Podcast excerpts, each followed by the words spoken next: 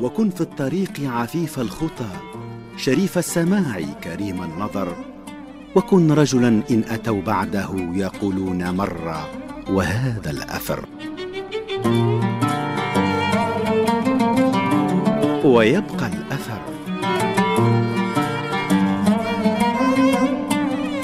ويبقى الأثر. فصول من سير أعلام تونس. انتقاء فوزي ضيف الله.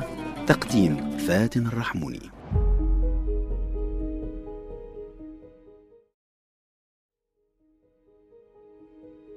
إذا الشعب يوما أراد الحياة فلا بد أن يستجيب القدر. ولا بد لليل أن ينجلي ولا بد للقيد أن ينكسر. ومن لم يعانقه شوق الحياة تبخر في جوها واندثر. كذلك قالت لي الكائنات وحدثني روحها المستتر ودمدمت الريح بين الفجاج وفوق الجبال وتحت الشجر. إذا ما طمحت إلى غاية ركبت المنى ونسيت الحذر ولم أتجنب عور الشعاب ولا كبة اللهب المستعر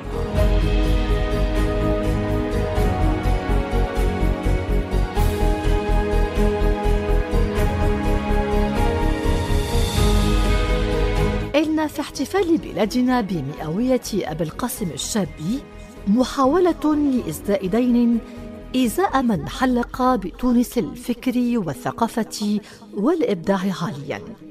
فصحيح أن أبا القاسم الشابي لم يعمر في دنياه أكثر من خمسة وعشرين عاما ولكن حياته القصيرة كانت مفعمة بالعطاء الإبداعي المتميز الذي يشي لا فقط بنبوغه الشعري المبكر بل وأيضا بقدرته الاستثنائية على المجازفة. هكذا كتب الشاعر سوف عبيد في مستهل كتابه أبو القاسم الشابي صفحات من كتاب الوجود الذي أصدرته وزارة الثقافة عام تسعة وألفين. وقد وفق المؤلف في اختيار كلماته. فما كان لعبقرية الشاب أن تتفتق عن تينك البيتين الخالدين لولا بعض المجازفة بل لعله من إشارات القدر ألا تنقذي المئوية إلا والشعب قد أراد الحياة واستجاب القدر.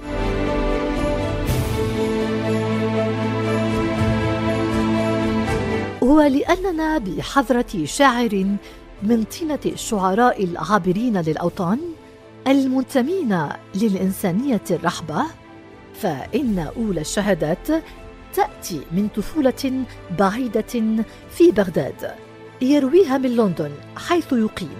الدكتور هادي حسن حمودي صاحب خمسة وثمانين كتابا منشورا ما بين دراسات تراثية ومعاصرة في شتى ضروب الثقافة.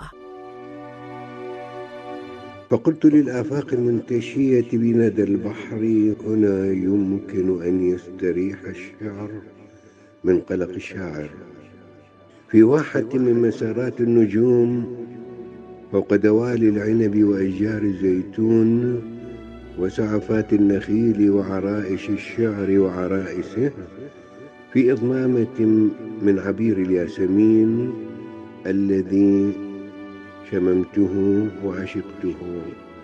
وبذلك كله جبت آفاق قصائده وتمتعت بزرقة البحر وشموخ الجبال وعطر الخزامة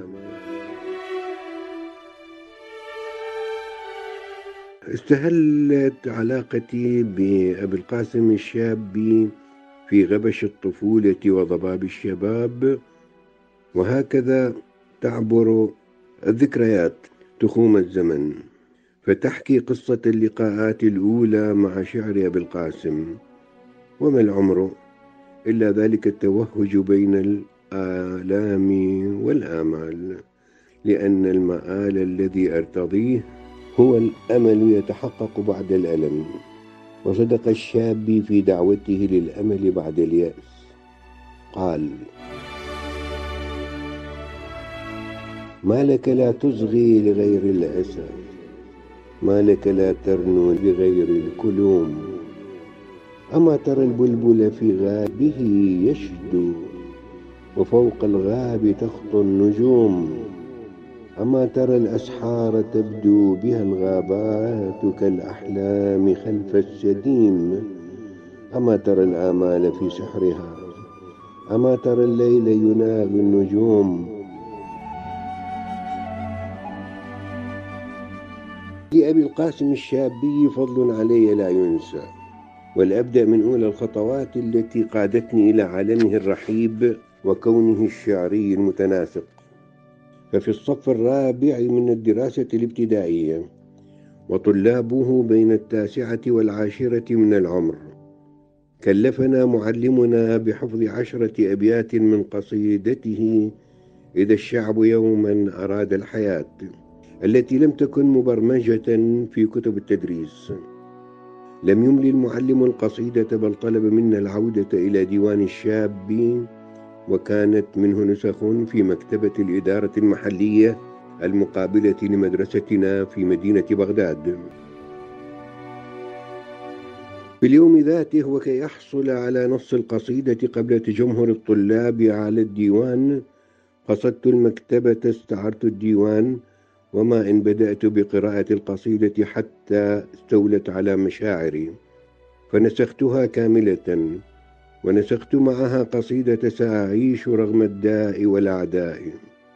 حفظت القصيدة الأولى وأنا أحس بنشوة من السعادة تغمرني. في اليوم الثاني وكان من عادة مدارس العراق آنذاك أن يصطف الطلاب قبيل بدء الدوام لتحية العلم ويطلب من أحدهم أن يقرأ محفوظة من محفوظاته. وسوست لي النفس اللوامة أو قل. هي روح أبي القاسم الشابي التي ألقت في روعي أن أرفع إصبعي طلبا لقراءة المحفوظة وكان لي ما أردت فوقفت أمام الصفوف أنشد على مسامعهم جميعا إذا الشعب يوما أراد الحياة. وكنت ألاحظ معلمنا منتشيا أي انتشاء يصفق لي مع الطلاب. ما إن وصلت إلى وألعن من لا يماشي الزمان ويقنع بالعيش عيش الحفر. حتى رأيت مدير مدرستنا متدحرجا من غرفة الإدارة وكان رحمه الله لحيما جسيما قصير القامة وهو يتعثر بأذيال بنطاله العريض الطويل يطلب إنهاء الاصطفاف وذهاب الطلاب إلى صفوفهم. ذلك لأن العراق آنذاك كان يعيش توترا والتوتر تاريخه كما تعلمون. ثم استدعاني إلى الإدارة وسألني عمن طلب مني قراءة القصيدة. فقلت له لا أحد وإنما أعجبتني القصيدة فقرأتها. رفع عصاه الأبنوسية السوداء التي طالما ذاق الطلاب لسعاتها على باطن أكفهم وظاهرها. وطلب مني أن أبسط يدي لأنال عقابي غير أن روح الشاب رفرفت في أجواء الغرفة دخل معلمنا الغرفة وطلب من المدير إيقاف عقابي لأنه هو الذي طلب منا حفظ القصيدة فخرجت هاربا وللنجاة طالبا ولأسباب العقاب جاهلا ومستغربا.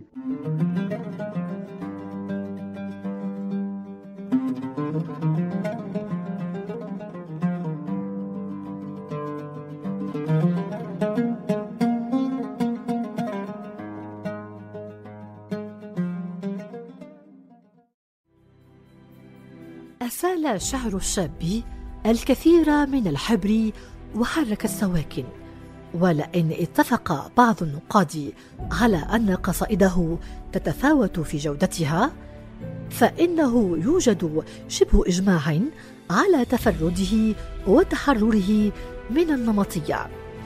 وها هو الدكتور هادي حسن حمودي يقدم قراءته للموضوع أنا أرى أن الشابي جمع شخصيتين في شعره الفرنسي فيكتور هوغو والأمريكي أرنست همنغواي. لا لأن الشابي أخذ عن الأول أو تأثر بالثاني ولا لأن الثاني قد أخذ عن الشابي وتأثر به ولكن لمسألة أعمق من ذلك بكثير. فيكتور هوغو كتب عن ضحايا المجتمع وضحايا الطبيعة ومن مؤلفاته التي كنت قد رأيتها قبل موهن من السنين معربة بعنوان عمال البحر. يتحدث عن شاب أدى حبه به إلى الانتحار. أما مينغواي فقد تحدث عن الشيخ والبحر عن ذلك الشيخ الذي ظل يصارع البحر والأمواج بلا أمل في الصيد. هنا الشاب له قوة ذات جعلته يهزأ بالآلام وغدر الغادرين.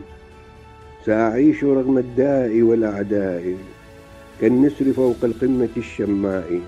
فصار تماما كالشيخ سانتياغو شيخ منغواي في روايته المذكورة. الشاعر الشاب حيرني شعره وكنت أحاول أن أفهمه بناء على أية مدرسة من مدارس الشعر ولكني عجزت عن ذلك وهو شعره متميز بذاته. بدءا يجب أن أعترف بأني معني باستنطاق الشعر ولست معنيا باستنطاق الشاعر لأن الشعر هو الذات الحقيقية للشاعر ولأن الجمال من هذه الذات الحقيقية لا من الذات المستنطقة. ولذا فلا يعنيني أن يكون لشاعر مدرسة في الشعر أو لا يكون أن تكون الذات شاعرة أصالة أم نيابة. أن تكون لها تلوينات في الشعر أو تكوينات كما لا يعنيني أن يكون الشاعر قد خرج من جبة القرن الأول للهجرة أم من جوار العصر العباسي أم من فساتين الأزمنة الحديثة أو لا يكون. كما لا يعنيني أن تخرج هند وليلى من أقصى الفجر أم تخرج من قصائد الليل أو الويل. ذلك أني يعنيني الشعر. يسارقني النظر والعبر والعبرات في تركيبته وفي بنائه في جماله الصاعق أو برده الصاقع. يعنيني أن أنظر في شعر يفضح شاعره وعصره وتضاريس المكان.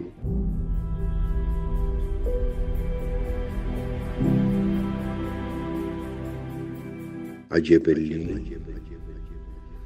أود أن أفهم الكون ونفسي لم تستطع فهم نفسي. لم أفد من حقائق الكون إلا أنني في الوجود مرتاد رمز. كل دهر يمر يفجع قلبي ليت شعري أين الزمان المؤسي في ظلام الكهوف أشباح شؤم وبهذا الفضاء أطياف نحس وخلال القصور أنات حزن وبتلك الأكواخ أنضاء بؤس. والقضاء الأصم يعتسف الناس ويقضي ما بين سيف وقوس. هذه صورة الحياة وهذا لونها في الوجود من أمس أمس.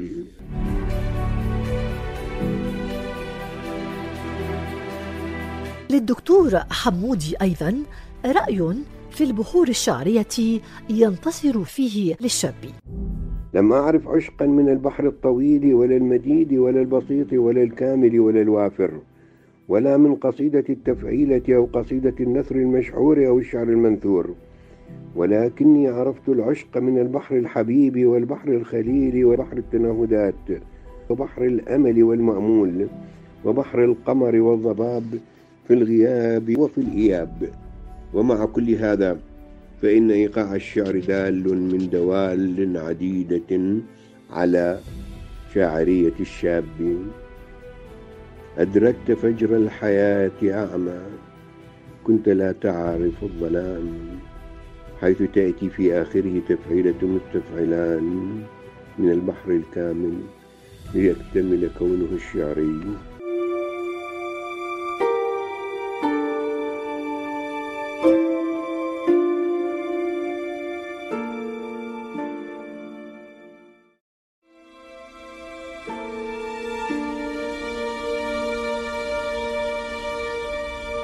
في قصيدته الأخرى المساء الحزين قال أظل الوجود المساء الحزين وفي كفه معزف لا يبين. وفي ثغره بسمات الشجون. وفي طرفه حسرات السنين.